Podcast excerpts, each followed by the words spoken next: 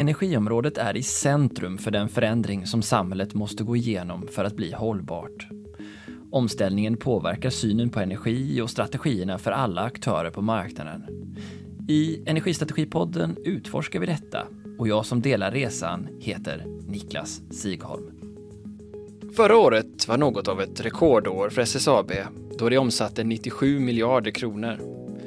Bolaget har en årlig stålproduktion på nästan 9 miljoner ton globalt och den är på väg mot en stor förändring.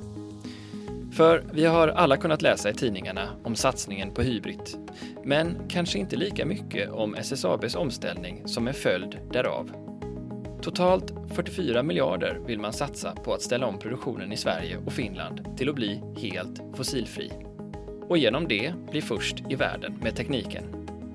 Thomas Hirsch, Director and Head of Energy and ETS, är med och leder omställningen av bolaget. Hur mycket energi behövs? Hur blir man av med allt kol i stål? Hur påverkar energipriser? Detta och mycket mer idag. Kul att ha er med! Okej Thomas, varmt välkommen till Energistrategipodden. Tack så mycket. Vad trevligt att ha dig här. Du är då, ja då säger jag det på engelska, Head of Energy and ETS på SSAB. Mm, stämmer bra. Vad är din historia och, och hur kom du att bli energidirektör eller ansvarig för energifrågorna på SSAB? Ja. Ja, nej men det är, väl, det är väl en lång historia tror jag. Jag har alltid varit, ända sedan jag var barn, väldigt intresserad av energi och industri och så. Och, eh, kom tidigt i, takt med, i kontakt med det. Min morfar hade en firma så jag var, jobbade ganska mycket på, på Avesta järnverk som det hette på den tiden. På somrar och lov. Sådär. Eh, och sen efter utbildning, och jag gick inte, jag gick bara en gymnasial utbildning initialt. Så eh, hamnade jag till slut på SSAB i, som en del, först som en del i eh, ett eh, utbildningsprogram som SSAB hade för, för eh, 92 var det lite krisigt i Sverige. Det var 500 procent ränta. Det kan ingen som lyssnar på Energistrategipodden idag förstå, men så var det. Eh, och eh, mycket arbetslöshet och sådär. Så att jag var inne i den svängen, men efter bara några veckor så fick jag möjligheten att utbilda mig för att jobba på SSAB. Och väl där så hamnade jag på deras energiavdelning. Då, som egentligen inte fanns då, men de som jobbade med energi hamnade jag på. Och eh, hade svårt att sitta still, hade svårt att inte lägga mig i och hade svårt att inte eh, göra förbättringar helt enkelt. Vilket gjorde att jag ganska, ja, efter, ja, ganska snabbt får man säga, blev eh, ansvarig tekniker på det avsnittet. Och sen ledde det ena till det andra, vilket gjorde, och sen till slut så blev jag ansvarig för hela den enheten. Då, där man också slog ihop så att det blev liksom en, allt ifrån eh, avloppsvatten till högspänd elkraft ansvarade för. Hur länge har du jobbat på SSAB? Jag började 1994. Och du har varit då antar jag på alla anläggningar eller haft fokus på någon del? Ja, nej men när jag började, blev anställd så tillhörde jag Borlänge. Eh, och, sen, och, och, på den tiden så var ju SSAB eh, Luleå, Borlänge och Oxelösund. Och en liten anläggning i Finspång. Eh, och eh, så var, och man jobbade ganska mycket liksom, för sig själv där så att säga. I, så. Men jag fick bra kontakt med den som då var, var vår huvudansvarig på, på SSAB som heter Kim Kärserud. Så han och jag bollade mycket saker. Utsläppshandeln började, den kom ju 2005 så att jag blev ganska snabbt engagerad i hela den delen då. Och, och tillsammans med Kim då. Eh, och sen har det blivit så att, eh, att på, de, på den tiden så var ju också Luleå och Borlänge ett bolag. Luleå, Borlänge, Finspång var ett bo bolag, SSAB Tunnplåt, vilket gjorde att man fick, jag hade några grejer som jag jobbade med i, i Luleå och sådär. Och, och på den vägen var det. Vad, vad skiljer energifrågorna då från nu, som du ser Eh, nej men nu är det ju väldigt mycket, på den tiden var det ju väldigt mycket fokus på försörjnings, alltså frågan om att försörja till sajt. Sen blev det ju en fråga kanske om eh, NOx. För Borlänge var NOx en jättefråga. Vi jobbade med den strategiskt i ja, säkert i tio år. Eh, vilket resulterade i att vi till slut då eh, konverterade bort eh, olja till förmån för flytande naturgas. Då. Så att jag tror att de har gått från att vara liksom en, en fråga om lo, mera lokal och regional, först och främst produktionssäkerhet men också regionalt lokalt klimat, en klimatfråga eller miljöfråga ska man säga. Och nu är det ju en helt annan fråga egentligen. Nu är det en väldigt strategisk fråga för att säkerställa att vi överhuvudtaget kan producera. Så att de har ju, det har blivit en väldigt stor förändring av, av hur, eh, hur man ser liksom på energi. Då. Beskriv SSAB för oss. Eh, alla lyssnare kanske inte känner till er som bolag. SSAB idag är ju ett helt och hållet börsnoterat företag. Staten har inget aktivt ägande eh, den svenska staten ska säga, har inget aktivt ägande. Vår största ägare är LKAB. Så på, där är ju staten inblandad. Och sen är det AP-fonder, precis som egentligen alla, alla bolag i, i, i börs, börsnoterade bolag i Sverige. Eh, däremot så har vi numera ett, ett indirekt ägande av finska staten. Så finska staten har, eh, när, eh, och då ska, kan jag börja med att säga att SSAB idag är ju Nordens enda tillver- ståltillverkare som jobbar med, som utgår från järnmalm. Så vi är de enda som har masugnar. Alla andra tillverkare i Norden är ju skrotbaserade. Då. Men vi tar järnmalm från LKAB, vi reducerar den i masugnar i Norden då. Vi har eh, masugnar i Luleå, masugn i Luleå, masugnar i Rae och i Oxelösund. Och sen har vi också ett amerikanskt, eh, en amerikansk produktion då, där vi har eh, två stycken skrotbaserade anläggningar. En i Mobile och en i Montpellier. Så idag är SSAB en, en global tillverkare av, av eh, stål. Vi är jättestora i Norden men på världsmarknaden är vi typ det 54 största stålbolaget med kanske 3 promille av världsmarknaden. Men på de, vi, vi, är otroligt nischade och i de, på de nischer där vi är eh, där vi fokuserar, så avancerade höghållfasta stål, avancerade kylda stål, där är vi världsledande. Vi har också de eh, absolut starkaste varumärkena som finns i, i, i inom stålindustrin. Och, och, och åker man förbi ett vägbygge i Sverige eller också var som helst kanske i världen, men speciellt i Sverige, så, så, eller var som helst i världen, men i, i, i Sverige så kan man eh, se att det står Hardox in my, in my body på, på lastbilsflaket. Och Hardox är det starkaste varumärket som finns inom stålindustrin. Intel Inside är väl liksom, det, det är stålindustrins Intel Inside. Så att, eh, och eh, också väldigt duktiga på att, eh, att göra affärer helt enkelt. Producera naturligtvis, men att, att hitta affärsmodeller som gör att eh, många stålbolag tycker att SSAB är ett riktigt bra stålbolag. Hur mycket omsätter ni ungefär? Eh, oj, nu, det lär jag kolla, men typ 50 miljarder. Vi får kolla den siffran. Hur mycket utsläpp har ni? I, vi har totalt ungefär 10 miljoner ton i världen då. och eh, av dem så är ju ungefär 8 i 8-9 i Norden. Och det placerar er var på listan? Vi, vi är Sveriges enskilt största utsläppare av koldioxid. Vi står för 10 procent av Sveriges totala utsläpp och 7 i Finland. Och bakgrunden till det är ju, eh, är ju att i masugnsprocessen, järnmalmen är ju, finns ju i sitt lägsta energitillstånd. Moder Jord har, har sett till att den är, är i sitt lägsta energitillstånd, vilket innebär att den är en oxid.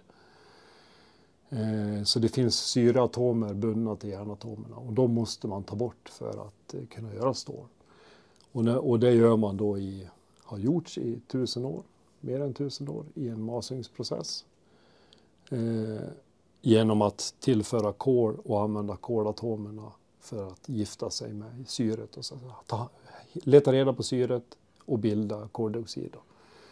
Eh, hur man ett ton stål, då gör man, släpper man ut ungefär 1,6 ton eh, koldioxid. Om man är riktigt bra, vilket vi är. Vi är, vi är ju världsbäst fortfarande på att driva masugn. Ja men precis, du kan väl beskriva så, vad, vad, är, vad är orsaken eh, till att man valde en gång i tiden att just producera med masugnsteknik? Är det för att det inte har funnits alternativ eller är det för att det har varit det mest effektiva? Nej men det har ju inte funnits alternativ. Det är ju ett, ett eh, så är det ju. Det, masugnen är, den har ju funnits i ja, mer än tusen år men den är ju nu eh, eh förfinad till sitt yttersta så att säga. Men fortfarande har den här miljö, klimatbelastningen. Då.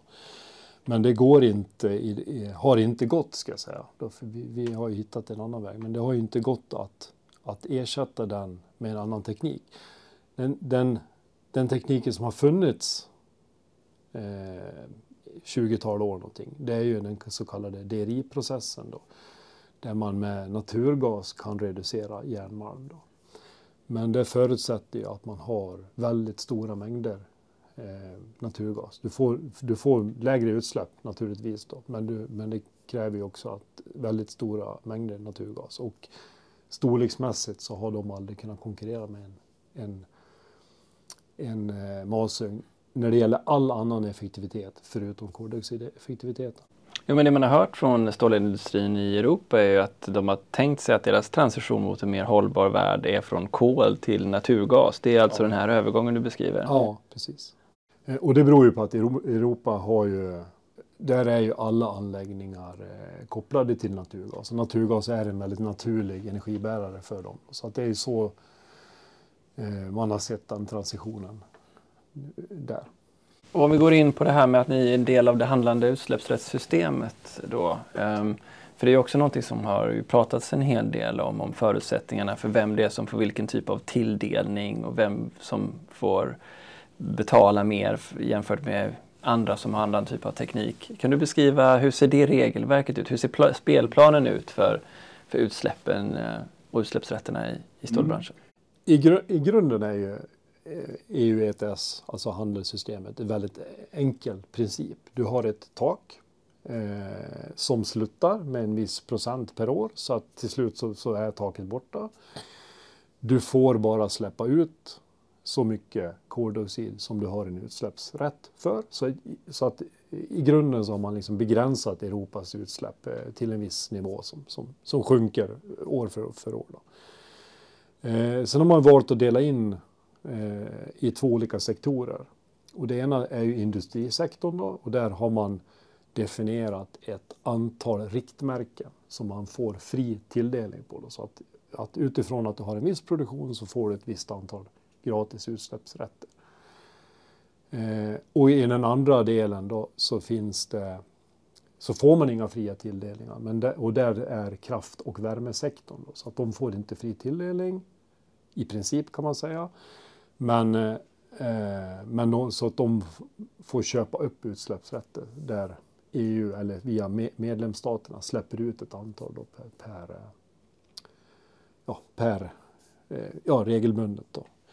Och därmed får man ett pris då på, på, på eh, utsläppen också. Och, ehm, eh, och sen är ju idén då att då får man handla emellan. Då, så att de, vilket då skulle leda till att de som hade, som hade enklast och billigast att konvertera, de skulle göra det och få utsläppsrätter över och sälja till de som hade svårare. Eh, så det är liksom grunden hur systemet fungerar. Och de här riktmärkena är ju fördelade på, jag tror att det finns typ 40-tal riktmärken. Men de stora är ju stål, cement, raffinaderi och så finns det en tilldelning för, för värmesektorn då, för att skapa någon, någon eh, ja, för att undvika en del eh, en del problem i vissa medlemsländer. Eh, men här har ni varit ute i debatten och även LKAB varit ute i debatten och hävdat att den här typen av riktmärken och tilldelningar är långt ifrån rättvis. Hur kommer det sig? Jo, ja, eh, och det är ju inte rättvist. Eh, så som, för så här var ju systemet gjort från, från, eh, från början. Och sen har det ju blivit, sen har man gjort, gjort ett antal revideringar och så har det blivit lite mer komplicerat då. Och det är klart att det, det kommer aldrig bli, det kan aldrig bli 100% rättvist. Det är alldeles för komplicerade industriprocesser för, för det. Men de, de, det stora problemet nu, det är ju att till exempel förmasningsprocessen då, den, är ju, den står för ganska stor del av, av eh, utsläppen inom den, den som man kallar för den handlade sektorn. Eh, de europeiska kolkraftverken är naturligtvis mycket, mycket större. Men i industrisektorn så står till exempel masugnsprocessen för en stor del. Och tilldelningen sker då explicit på en masugn. Det står så i regelverket att du behöver ha en masugn för att få tilldelning. Och nu betyder det då att om du gör stål eller råjärn då, som kommer ut i en masugn med, eh, med, med i den processen och så sätter du på en CCS-anläggning så du fångar in koldioxiden och så gräver du ner den någonstans eller fångar in den och använder den någon annanstans. Då får du tilldelning. Men om du gör som vi då, inför en, en breakthrough technology, vi, vi, gör en jätteinnovation som helt tar bort utsläppen. Då får du ingen tilldelning överhuvudtaget. För vi blir en unik anläggning som inte har några utsläpp och som inte passar in i systemet för tilldelning. Då. Och då blir det ju en snedvridande konkurrens. Så att systemet idag är ju, behåller ju, eller tenderar till att behålla befintlig teknik och var tänkt att effektivisera den. Men det var aldrig designat för att göra den här typen av innovationer som LKAB och SSAB och Vattenfall har utvecklat i Hybrid. Så där finns det en tydlig exempel på att det, att det inte är rättvist. Och nu så ändå har ni, går ni ut för ungefär en månad sedan lite drygt och berättar om era planer att göra den här stora omställningen av hela ert företag. Jag tror det var en samlad investeringsportfölj på 44 miljarder ni presenterade. Mm. Ehm, vill du beskriva det, den, det, the leap som ni vill göra nu då? Så kan vi knyta tillbaka det sen till hur marknaden fungerar för att belöna det. Mm. Ja, nej men det vi ser nu då, det är att vi, vill, vill, eh, vi har utvecklat hybridtekniken. Nu kan man också hålla i, i huvudet då när man lyssnar på, på det här att vi, vi startade pilotanläggningen för hybrid, en helt ny process som inte har körts någon gång i hela världen under 2020. Vi började köra den på 100% vätgas våren 2021. Och då fick, kunde vi skapa en helt fossilfri produkt. Och vi såg att det här, eh, det här arbetet gick väldigt bra processen fungerade som tänkt. Det finns naturligtvis te stora tekniska utmaningar fortfarande att lösa men allt verkar liksom lösbart. Och, och samtidigt så, så, har ju också marknaden för fossilfritt stål vuxit till. Så att vi går ut nu och säger att vi flyttar fram våran omställning att bli helt fossilfria som företag från 2045 till 2030. Och i den satsningen så ska vi bygga två helt nya anläggningar. En i Luleå och en i, i Braestad i, i Rae i norra Finland. Och de här anläggningarna bygger vi för att bli i princip fossilfria från grunden. Då, så de, blir hög, hög, de kommer att bygga på att man smälter järnsvamp då, som är den produkt som kommer ut i en hybridanläggning och skrot i alla eh, kombinationer från bara järnsvamp till, till möjligt bara skrot. Och sen eh, gör man stål av det och varmvalsar det egentligen i en process. Då. Så, så väldigt effektiv, eh, både energi och eh, produktionseffektiv eh, tillverkning. Då. Och i princip två systerverk, ett i, ett i Luleå och ett i Rara. Och det är nu skriver ni att ni utvecklar något som kallas för minimills. Ja. Vad är introduktionen av minimills? Ja, minimill är ett begrepp Eh, det finns ingenting mini med, de minimil som vi, vi planerar att, att bygga utan det är eh, väldigt stora ljusbågsugnar. Eh, kommer ha en kapacitet på 2,5 miljoner ton vilket är, är mer än alla ljusbågsugnar som finns i Norden idag. Styck då, så, så totalt 5 miljoner ton i smältningskapacitet. Och i själva konceptet Minimil som egentligen är ett amerikanskt koncept kan man säga. Där man bygger upp egentligen en effektiv, ett effektivt flöde. Där man börjar med att ta in då, eh, skrot, för det är det som har varit produkten för alla ljusbågsugnar. I eh, liksom ena änden av fabriken och sen så är fabriken egentligen en, en lång logistik, eh, effektiv ihopbyggd logistik och ut kommer en produkt. Och det kan vara allt ifrån armeringsjärn till, till andra typer av produkter. Men, men det som är i konceptet är att det blir, det blir en, eh, du får en väldigt effektivitet i produktionen egentligen. Men eh, att göra det här då så att säga sticka kniven i sin egen legacy på något sätt eh, måste ju ha varit ett arbete som har pågått i många år och ni har ju varit som du nämnt också naturligtvis en, en, en bärande partner för hela hybridprojektet. Vilka tecken och vilka förändringar i världen var det som på allvar satte igång de här tankarna hos er? Nej, men det, det, det började ju i, i, ehm, i politiken, i den svenska politiken skulle jag säga. Med, med eh, när Anders Wikman skapade sin, eh, eller ledde eh, det som hette, eller heter, Miljömålsberedningen. Då. Eh, där, den beredningen skulle ju politiskt hitta vägar framåt för alla miljömål. Vi hade en expert med i, i, i, den, eller i, den, i det arbetet. Och ganska snart visade det sig att det var ju väldigt mycket, i princip bara fokus på, på klimatet. Då. Och det var ju också de, i den beredningen man sen kom fram till att Sverige skulle vara fossilfritt. Eh, en fossilfri välfärdsnation 2045 var väl liksom den stora slutsatsen i miljö, miljömålsberedningen. Och i, med det där arbetet så blir det ju tydligt med, med 10 procent av Sveriges totala utsläpp 10 procent är ungefär vad miljömålsberedningen kom fram till att om, vi ska, om Sverige ska vara en fossilfri nation då kan man ha ungefär 10 procent eh, utsläpp. Eh, för upptagningen i, i skogen och jordbruket är så pass stor. Då. Eh, det är också ungefär lika mycket som jordbruket släpper ut idag. Då blev det ju ganska tydligt att det här är ju en, en fråga som vi måste liksom ta på största vikt och hantera därför att det kommer politiskt så så, så när man bestämmer sig för det här, då är ju det, då är, finns det liksom, då måste de här utsläppen som vi har, de måste bort helt enkelt för att det här ska fungera, både för Sverige som, som, som nation och även för, för företaget. Så det blev liksom ganska tydligt i det arbetet. Och det var ju också i den, ur den kontexten som, som eh, min chef Martin Pei, SSABs tekniska direktör, kom hem från Kina. Han var chef för Kina-divisionen då. Eh, och jobbade igenom liksom, den här frågan strategiskt.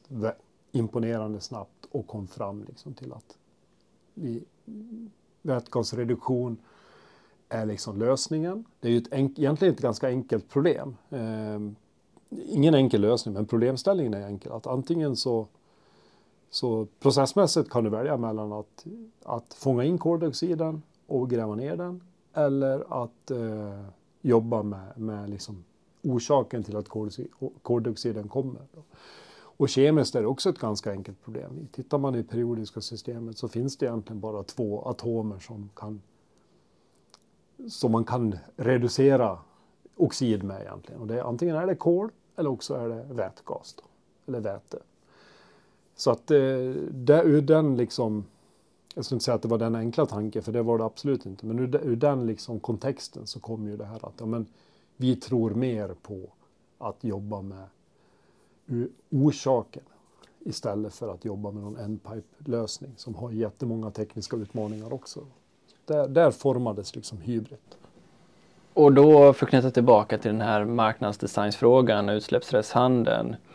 Eh, hur har ni tacklat det då att regelverket inte är uppbyggt för att premiera den här typen av förändring? För det blir ju en strategiskt viktig fråga också för att marknaden belönar den transitionen. Eller räcker det med att ni ser att nej, vi har så stort kundunderlag att det är relevant? Hur resonerar ni?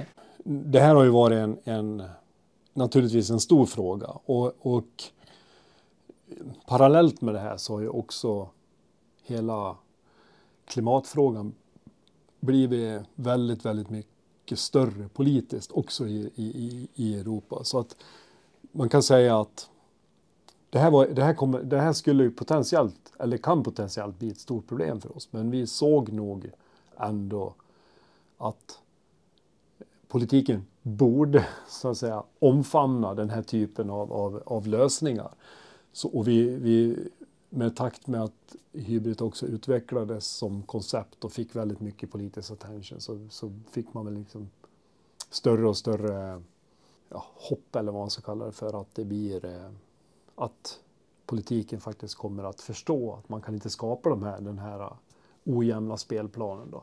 Men det, det, är ju fortfarande inte, man förhandlar ju det här nu och det är ju fortfarande inte säkert att det blir så. Då. Men våran plan ligger ju fast och man ska också komma ihåg att när vi lanserade det här så, så var ju våra konkurrerande europeiska bolag, de, de, det var inte så att de skrattade bakom vår rygg utan de skrattade ju i princip åt oss. Hur kommer det sig? Nej men de sa väl egentligen att det här kommer aldrig att gå. Det måste ni, det är liksom, ja. Det, det här är alldeles för stor eh, utmaning att lösa så att det här, det, det går inte. Eh, men är det någonstans det går så är det ju i, i, Sverige och i Norden. Här har vi liksom fossilfri el, vi har kunskapen, vi har malmen. Att, eh, det var det förvissningen om att liksom, där att vad fick ni för känsla nu då när Timmermans var och besökte er i närtid? Nej men den var väl bra. Han var imponerad över anläggningen. Eh, han var till pilotanläggningen och tittade och, och känslan var ju ändå att, att eh, positiv då. Eh, samtidigt så, så är ju politiken, det är ju utmanande. De lanserade ju ganska direkt när han hade lämnade Sverige ett nytt eh, paket för eh, IED, alltså miljöregler som, som potentiellt krånglar till eh, förändrade processer. Så att det här är ett jobb som man behöver liksom förklara och förklara och förklara. Nej, men nu försöker eh, flera europeiska eh, bolag komma ikapp oss och, och ser ju vätgas som en, som en lösning. Och de kanske har en annan vinkel på vätgas då, men de ser liksom behovet av att, att eh, de måste också få ner sina utsläpp.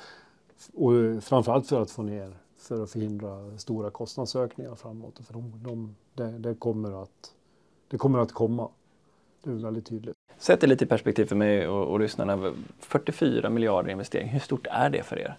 Ja, men det är ju naturligtvis en jättestor investering. Det är det. Ehm, jag vet inte, jag kan inte säga exakt vad vi investerar eh, varje år i bolaget. Då. Men, men det är ju en jättesatsning och, och den är ju också på ett, på ett väldigt kort tid. Vi tänker ju så att vi ska göra det här på, vi håller ju på med Oxelösund nu, jobbar för fullt där. De är in, och det är ju inte med i de här 44 och sen ska vi liksom direkt gå på att ställa om Luleå eller Ra, i, i, eh, och egentligen göra det sömlöst då, mer eller mindre. Då. Så att det är ju en jättestor satsning och framförallt att så att säga klara av att göra den ekonomiskt. Men för en sak som ju är en del av er bransch det är att ni naturligtvis är starkt påverkade av världsmarknadspriserna mm. på, på färdigproducerat stål. Och vissa år så har ni nästan inte gjort någon vinst alls och andra år som förra året så slår ni alla rekord och gör jätte, jättevinster.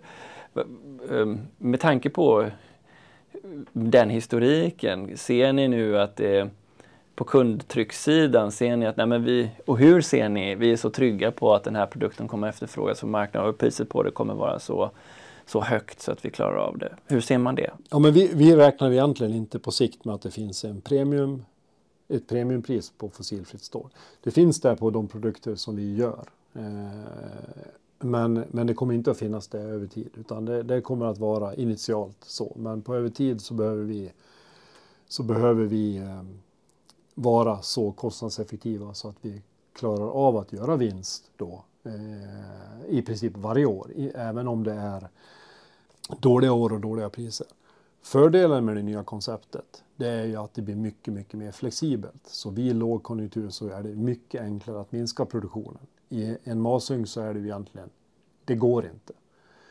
Ett koksverk, det går inte heller. Ett koksverk, det startar du det året du, där du har byggt det. Så koksverket i Oxelösund till exempel, det startades ju på 50-talet. Sen har det aldrig stått still sedan dess. Och att hantera liksom lågkonjunkturer med såna, den typen av anläggningar, det är ju jättesvårt. Hur ofta stannar man en masugn? Ja, men en, vart femtonde år typiskt. Man kan stanna någon kortare tider, men, men, men vart femtonde år så, så kanske man behöver gå in och göra, eller behöver man gå in och göra ett, ett massivt underhåll som kostar otroligt mycket pengar. Mellan den tiden så mår den bäst av att den går och du kanske kan köra den mellan 80 och 100 procent om du liksom är skicklig.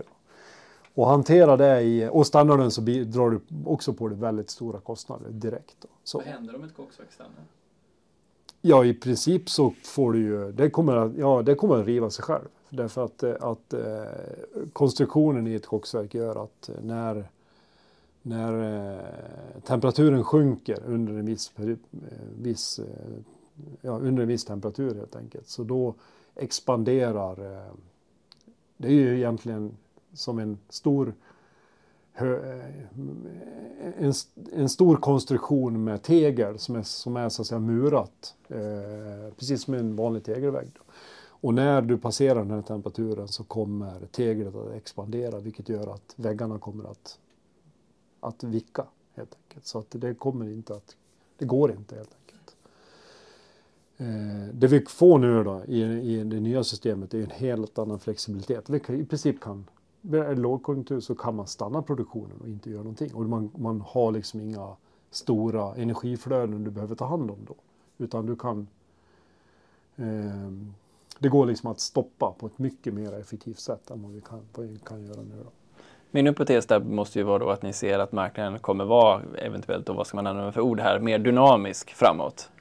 Ja, fast skälet till att vi gör den här typen av anläggning, det är ju för att vi vill ha en väldigt hög elektrifiering. Så vi börjar ju liksom där. Eh, och, då ge, och, och, och givet då att i hybridprocessen, en stor skillnad med, mellan hybridprocessen och dagens process då, det är ju att där smälter aldrig järnet, utan järnet kommer ut i fast form.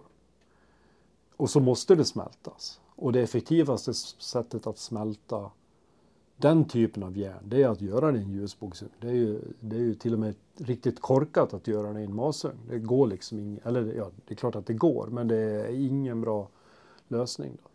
Så att det är ju liksom det teknikvalet vi har gjort och därmed så får du den här effektiviteten. Och det är ju bra då att det också ger oss möjligheten att vara flexibla på, på kort och på längre, eh, både på kort sikt till exempel för att hantera eh, priser på elmarknaden, men också de olika konjunkturerna och komma ut ur det på ett mycket starkare sätt, i, eh, starkare ställning ur varje, i varje del så att säga.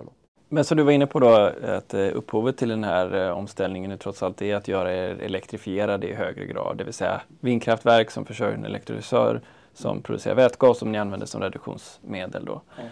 Och eh, nu förstår jag att ni inte har gått ut med några exakta siffror om, jag har försökt läsa mig till det, men jag förstår att ni inte har gått ut än med, med vad det här innebär, så som LKAB har gjort, som var tydliga med att 55 terawattimmar eller kanske till och med uppåt kommer vi behöva. Men om jag räknar baklänges på allt material som jag har läst eh, från SVK och andra så, så ser det ju ut som att, att det inte är orimligt att ni hamnar i trakterna kring 700 megawatt i Luleåområdet.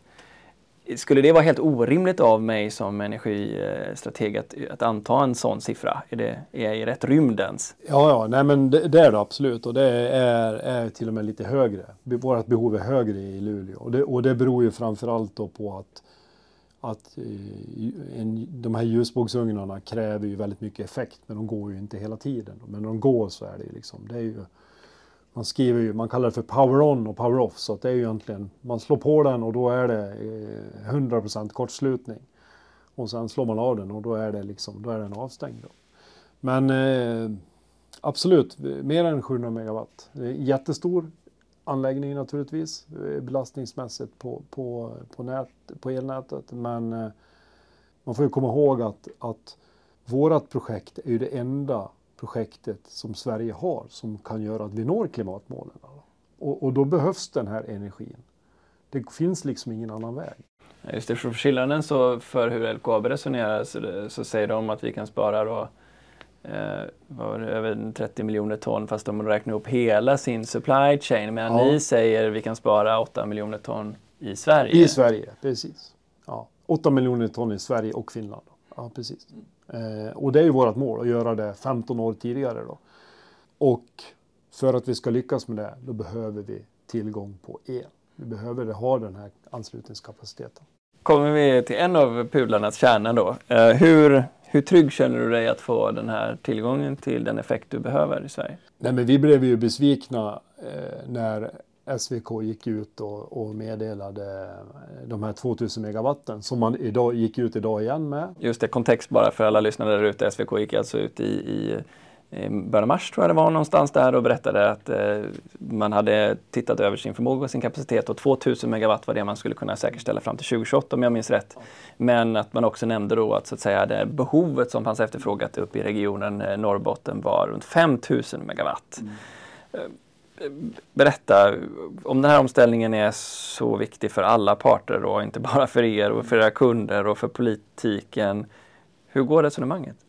Ja, nej men vi blev ju som sagt var besvikna när vi fick beskedet att vi inte får någon tilldelning. Vi fick ju inte, vi, och, och, och, man får ju inte heller något, något besked om vart i, vart i kön man, man befinner sig. Och om man har kommit upp i kön eller om man är kvar på samma plats. Så det, det, det är ju liksom, det vet man inte utan det, det, det är ju så att säga eh, eh, helt otransparent och har ju alltid varit då. Ja, visst är det, en, det, det är ett arv från förr, det här kösystemet. Att ja. first come, first serve, ja. så har det alltid varit. Ja. Inte, inte behovsdrivet Nej, alls.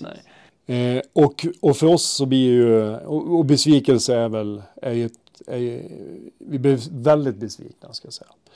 Eh, och och för, för oss så blir det ju också en, en en jätteutmaning. Vi har, vi har jobbat tätt med SVK och Vattenfall som är regionnätsägare uppe i, i, i Luleå i Norrbotten. Där. Haft en jättebra dialog. Sen har de vissa saker de behöver förhålla sig till när det gäller tilldelningen och så. Eh, om, det är, om det är verkligen så lag, de, de tolkar i alla fall lagen så. Eh, man kan kanske tolka den på annat sätt, men de tolkar lagen så att det är så här man ska göra. Först come first served och, och så hanterar man det så. Och eh, givet då att vi har eh, ett behov av en klimatomställning, vi har ett behov av en enorm elektrifiering i samhället. Det är ju inte bara SSAB som, eh, som har det, men det finns ett behov av enorm elektrifiering. Så, så funkar ju inte det här så bra att ha det på det sättet. För, för oss då som kan, som är det enda projektet som kan, som kan göra att vi kan nå klimatmålen, eller minska med 10 procent. Det finns, det finns ju det är det enskilt största projektet by far eh, som behöver göras i Sverige för att nå klimatmålen. Så blir det ju, sätter man ju hela företaget i en jättekonstig sits. Därför att själva grunden till att ta ett investeringsbeslut, att spendera de här 25 miljarderna på att bygga en, en ny helt utsläppsfri fabrik i Luleå, det bygger ju på att vi vet att vi har el. Vet vi inte det, då kan ju inte vår styrelse ta det beslutet. Så att här är det ju ett jätteproblem där, liksom, där, där det här sättet att se på saken det måste ändras. Det måste finnas en möjlighet att förutsätta när man får anslutning. Tittar man på Finland så har ju de gått ut och pekat ut och sagt att det här är prioriterat för finska staten. Där är det ju till och med så att vi själva får projektera och ansvara för att bygga ledningen åt Fingrid. Så vi, vi håller till och med tidplanen i vår egen hand. Och det är klart att där är det ju då mycket enklare att, att förstå hur, hur tidplanen ser ut. Medan då i Sverige på andra sidan Torne älv då, så, ska vi, så har vi liksom inte någon möjlighet att förutsätta överhuvudtaget om vi får el inom 10 år eller är det 15 år bort. Eller sånt där det är för oss en, eh, en eh, ja, det, det är alldeles utmanande. Det kommer inte att fungera. Nu ska jag säga också att vi jobbar ju jättehårt på att få, för att, för att få fram en prioritering och har ju ett visst hopp om att så också kunde ske. Men, men här måste politiken gå in och liksom hjälpa till att prioritera. Hur bra förankring upplever ni att ni har i, i lokala, de lokala regionerna där ni är verksamma? Nej men vi har ju jättebra eh, förankring där. Vi har ju funnits i Luleå i liksom sedan, sedan jättelänge och det, det, det är ju jättebra förankring där. Och, och, men det är ju liksom inte riktigt där den här frågan avgörs. Eh, utan det är ju, det är ju i det är mer SVK och politiken som har rådighet över att förändra den här listan och göra den transparent kanske, eller, eller åtminstone se till att man prioriterar. Nu vet jag att du också har nämnt, jag förstår det, att man ska vara försiktig med att be dig bedöma politiken sådär. Du är ju näringslivsrepresentant eh, trots allt. Va? Men du måste ju antar jag tänka någonting när vi så här närmar oss valtider och det dominanta inslaget i energipolitiksdebatten fortfarande är kärnkraften. Kärnkraftens vara efter 2045 eller ej och så sitter då du med det enskilt största projektet som påverkar Sveriges utsläpp som du som än just nu är försatt i ett limbo. Mm. Ja, nej men det är klart att och då är det ju så här för, för våra, vårt behov, om vi tittar enbart på SSABs behov och en del andra projekt som, som, som pågår uppe i norr, så finns ju energin. Det finns däremot inte anslutningseffekt.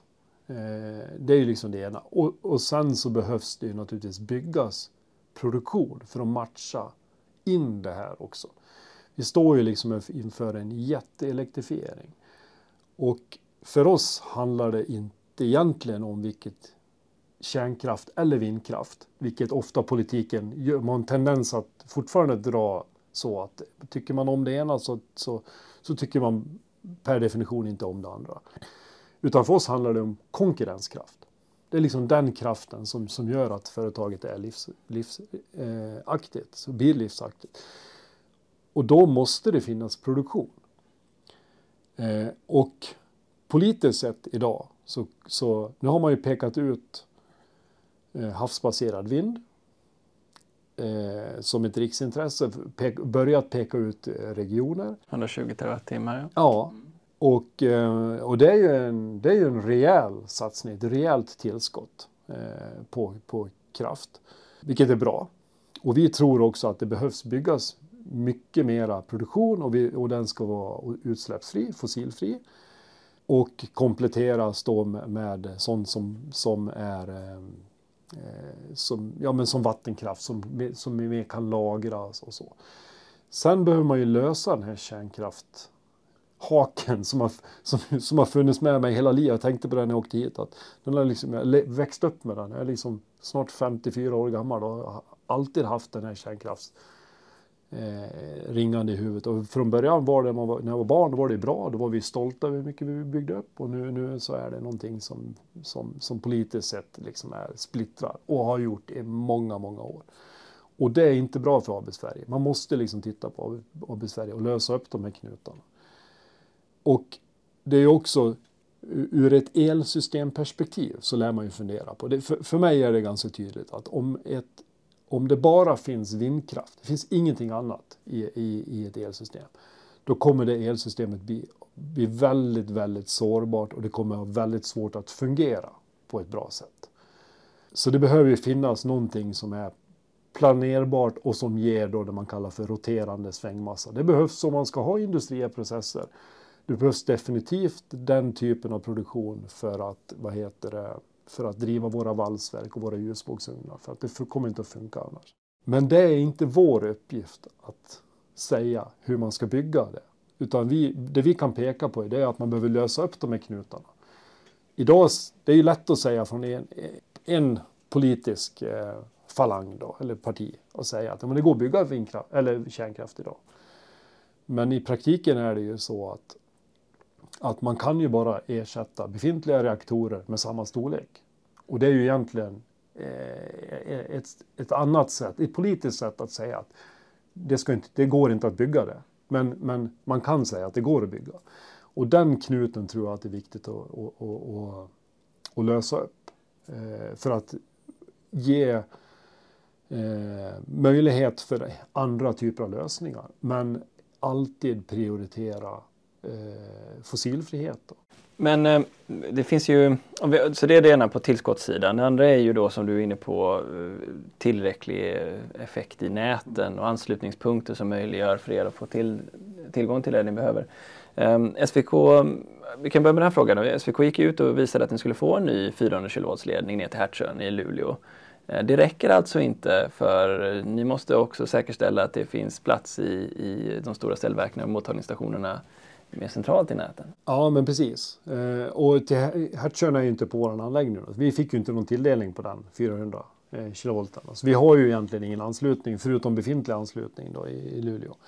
Men för att stärka upp och, och, och det här, är, här sitter alla projekten i, i eh, Norrbotten i samma, i samma båt. För, men för att säkerställa då de projekt som finns där uppe så behövs det byggas fyra till fem ledningar för att förstärka liksom överföringskapaciteten. Och det behöver ju göras, den förstärkningen behöver ju göras nu för att säkerställa att vi får, jag tror att man har beräknat, man pratar om att det finns 5000 megawatt i, i ansökningar. Och nu gick man ut med två, vi fick ingenting och vi behöver ju storleksordningen 1000 då kanske. Då. Så att det, det, är ju 2000 till som ska någonstans då. Men man behöver alltså förstärka upp hela nätet för att det här ska bli för att det ska hända. Och då är det ju återigen så att det är bara vi som kan göra den här 10-procentiga sänkningen. De andra projekten är ju andra projekt som, som säkert är bra ur en, eh, kan vara bra ur, ur, ur, vissa aspekter. Men det är bara SSAB som kan göra den här minska utsläppen med 10 procent i Sverige. Och så här behöver man liksom gå in och förstå det. Den, den liksom logiken att, att eh, och helt enkelt kanske prioritera då. Jag tänker det du ser här, dels så har vi ju elektrifieringsstrategin som pekar på flera områden vad gäller eh, snabbare nätutbyggnad mm. och parallelliserade processer. Mm. Och så har vi också de eh, ja, de facto eh, försöken som SVK nu gör med att parallellisera delar av sina projekt just uppe i mm. Norrbotten. Jag antar att du ser allt det här som positiva tecken att vi är på rätt väg men det du säger är att det, det går för långsamt? Det, ja, det går alldeles för långsamt. Vi står ju här nu och vill investera 25 miljarder. Vi vill ta beslut nu. Om hade vi tillgång till den här effekten då skulle vi göra den här ännu snabbare än vad vi, vad vi gör nu. Då. Så att det här, det, det, vi, vi har inte den här tiden att göra alla de här utredningarna och göra hela beredningen på frågan och så och tänka liksom att lite grann lägga den lite grann i, i, i den här ah, in i maskineriet och låta den liksom masseras och så hoppas på att det kanske liksom löser sig själv på slutet. kommer det inte att göra. Det här, det här är, det går alldeles för långsamt och världen förändras alldeles för fort för att det här ska vara, kännas liksom tryggt för oss. Och då tänker man ju på hur man hanterar en strategi när den stöter på en sån uppenbar och tydlig tröskel. Eh, resursallokerar ni om nu då till att utbilda politiker? Eller liksom hur praktiskt hanterar ni det här limbot? Ja, men vi, har ju, vi har en jättetät dialog med, med, både, både alla, ja, med politiker och, och eh, för fram det här budskapet. Eh, försöker peka på vad det betyder för AB Sverige försöker jag också förklara hur det hänger ihop med, med eh, LKABs terawattimmar och SSABs terawattimmar, vad som är vad. Och förklara liksom angelägenheten till av att det här faktiskt, eh, att vi får ett Eh, ett beslut och en prioritering här och att vi behöver liksom ur det här limbot.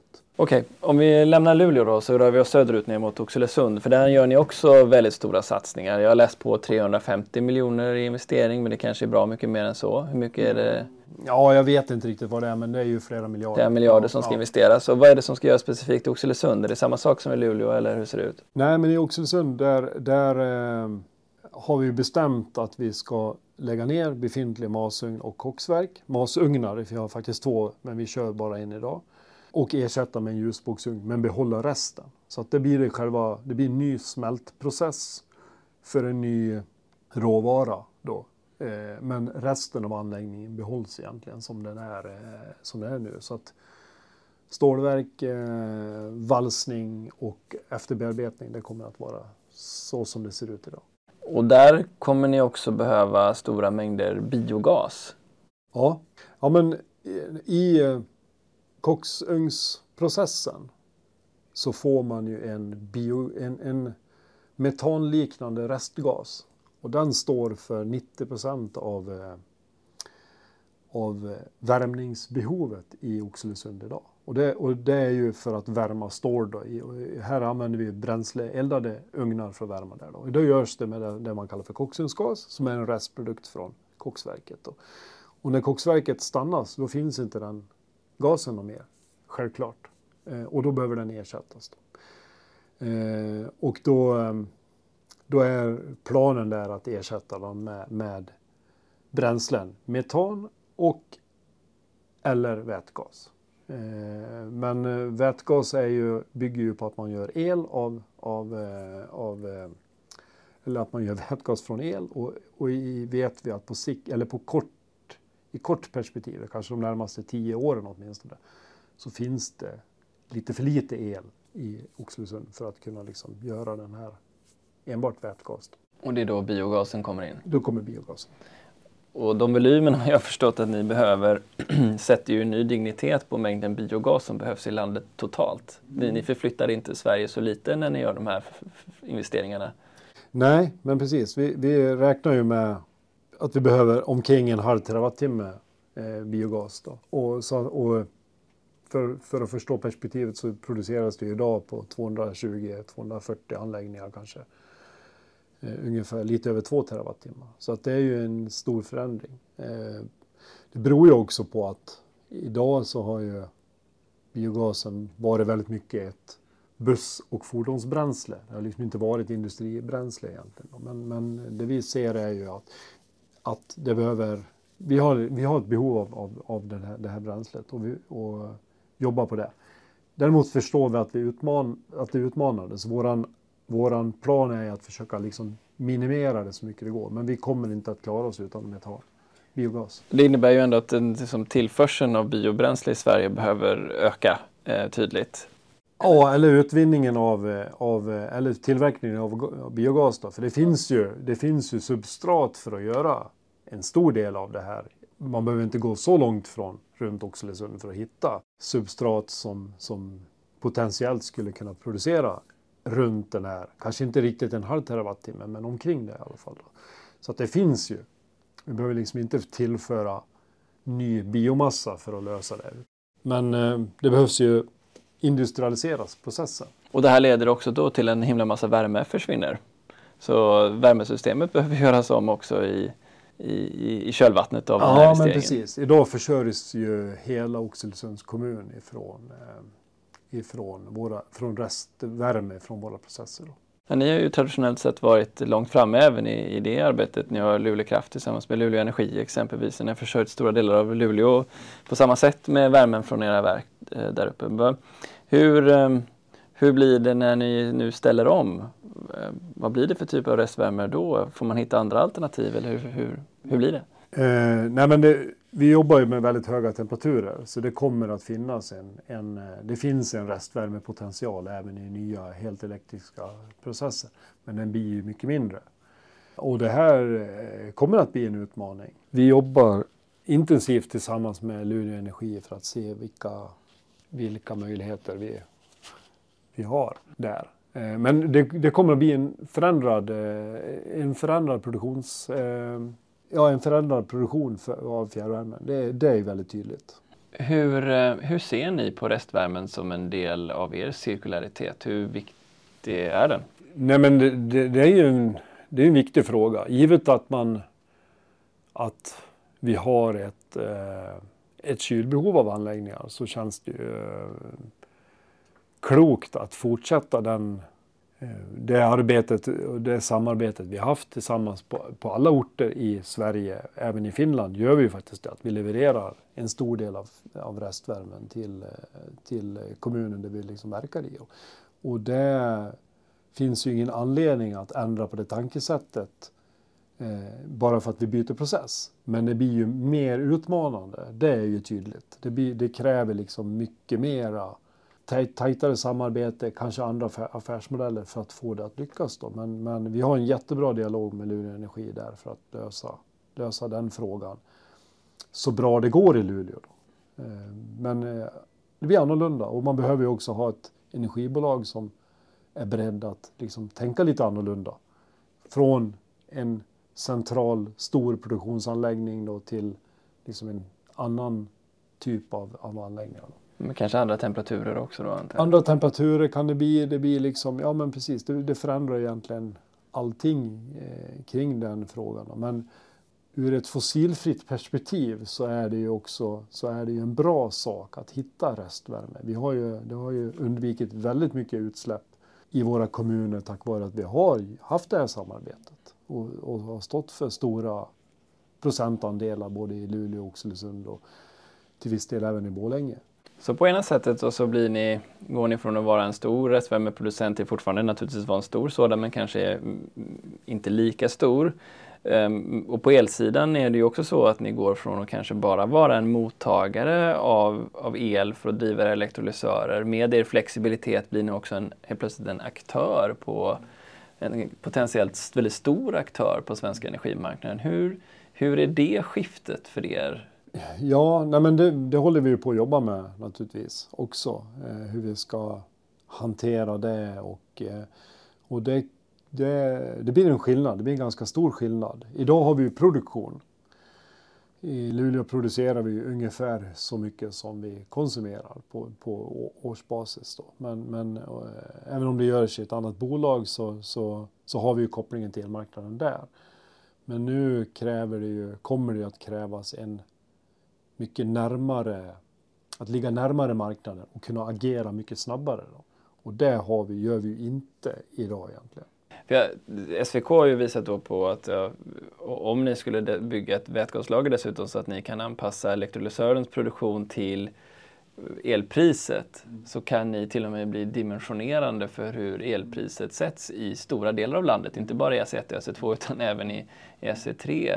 Eh, och ni skulle också potentiellt då kunna få rätt så mycket intäkter av stödmarknaden genom att agera där. Helt plötsligt blir ni en, alltså säga en, en, stödmark, går ni in på stödmarknaden. Eh, det är en strategisk förflyttning även det. Mm. Ja. Som måste kräva nya kompetenser hos er också. Ja, ja nej, men absolut och det här håller vi på att titta på eh, nu då. och är liksom inte färdiga men det är ett arbete som, som vi jobbar med eh, parallellt med, med allting annat som vi jobbar med. Men en av de sakerna som ni behöver är ju uppenbart, eftersom om jag har förstått det här rätt så blir det inget stål utan kol. Va? Det behövs järn och kol för att bilda stål. Mm. Så långt har jag rätt va? Ja. ja. Och vad ska ni ersätta det kolet som ju trots allt behövs för att göra stålet? För det, det kan man väl inte ta bort hur som helst? Nej, och där tittar vi på att eh, producera eh, biokol för att stoppa in de här kolatomerna i, i järnet för att bilda stålet. Då. Så att det är en viktig applikation. Inte gigantisk, men stor. Och, eh, men vi ser stora möjligheter ja, i den struktur som finns i Sverige och Finland att, att hantera det på ett bra sätt. Det är ju spännande, för nu antar jag att du tänker en himla massa saker här. Men vad är det du ser? Vad är det för förmåga som svensk bransch har som gör att ni skulle kunna tillgodose? Ja, vilka volymer det är kan du kanske säga? Jag vet inte om du kan säga det? Ja, nej, jag, jag, kan inte säga det i dagsläget. Men, men, det är liksom, det är mycket mindre än, än det kolet vi använder idag. Så är det, det är liksom... Såklart. Men om jag säger så här då, att i, i Svante Axelssons eh, um, Fossilfritt Sveriges plan så hade stålbranschen ett totalt behov på tror jag mellan 2 till 3 terawattimmar biokol. Är det, är det in the ballpark? Här ja, men det är väl ungefär det. Ja, ja, precis. Och då är det ju hela, hela produktionen i, i, i Sverige då. Men det, det stämmer ungefär. Och um, ja, men det är ju tydligt. Vi är ju ett land med skog. Ett väldigt bra skogsbruk. Vi har eh, både, ja men vi har, har eh, ett, ett bra och eh, ett hållbart skogsbruk där, där, vi, där man också gör många olika produkter. Allt ifrån plankor till, till pappersmassa till, till papper och till kartong. Och där finns det ju restflöden som man kan använda för att göra biokol. Så det är ju en jättespännande utveckling att, att vara del av. Har du någon passning till branschen? Vad vill ni se? Nej, men vi, egentligen har jag ingen kanske passning så, men, men helt klart är ju att det här är ju ett område där det finns många, det finns många, många entreprenörer. Det finns många, många idéer och så. Och det, det har vi kartlagt under några år och, och eh, eh det, det jag har alltid känt har fattas, det är ju den här analysen av vart, liksom, det är en kvalitetsfråga. Eh, för, för det, det, är ett ganska brett spann på biokol och, och ska det passa för den typen av applikation vi tittar på, då behöver det liksom vara ganska snävt. Då. Eh, handlar ju om kemisk analys men också hur, eh, hur kolet reagerar i de höga temperaturerna. Då. Och det, det, har många av de här äh, tappat bort på vägen. De har liksom tänkt att bara det är, bio, bara det är biokol så spelar det liksom ingen roll. Men det är ju stor skillnad. På... Då är vi tillbaka på din liknelse Intel Inside. För jag antar att ni vill inte göra den minsta lilla avvikelse i, i, i varumärkesvärdet av de produkter ni levererar till marknaden. Och det måste vara ganska trixy att få till exakt den kvaliteten och du ska byta insatsvaror på flera ställen i ja. din process. Ja, ja men absolut. Och, och kolet är ju det viktigaste legeringsämnet i, i, i stål. Eh, sen legerar vi med, med, några andra metaller också. Men, men det är det absolut viktigaste eh, legeringsämnet. Men där, där är det ju kanske mer en det är inte så jättestor kemisk fråga. För att finns kolatomen där, då kommer den att fastna på rätt ställe i, i, i det eh, atomgitter som stålet ska bli. Men det handlar väldigt mycket om effektivitet av utbytet. Då. Och det är, en, det är en fråga som, som vi jobbar hårt med för att säkerställa. Då. Men, men vi har ju bevisligen gjort eh, fossilfritt stål. Så vi har levererat till Volvo och eh, de har byggt den här Tara eh, maskinen som är helt autonom och batteridriven med fossilfritt stål på, med, och exakt samma, samma eh, kvalitet som, som ett vanligt stål då, som vi hade, eller ja, ett av våra, eh, någon av de bättre hardocks som de har använt för den, där, eh, för den maskinen. Då. Men det, det, det, den kemin når vi. N när det då kommer till, jag förstår ju att effektiviteten måste bli hög för de här 44 miljarderna ska vi ju igen någonstans på slutprodukterna. Mm. Men om man tittar på konsumentprodukter, ja men säg som en bil eller som en lastbil, hur, hur mycket dyrare blir det? Blir det 20% dyrare lastbil plötsligt eller? Nej men det finns ju, det finns ju någon, det där har man ju forskat på eh, nere i Göteborg bland annat och man har ju visat, nu kommer jag inte ihåg siffran hur mycket men, men då pratar man ju om några procent egentligen i en, i en bil eller en lastbil eller i, i, i, ett, eh, i en byggnad. För att för att göra den här transformationen. Då. Så även om siffran är väldigt hög hos er, så utslagen på alla kundprodukter som man tittar på, så blir det inte ett så stort hopp? Nej, nej, och sen kan man ju fundera på om den...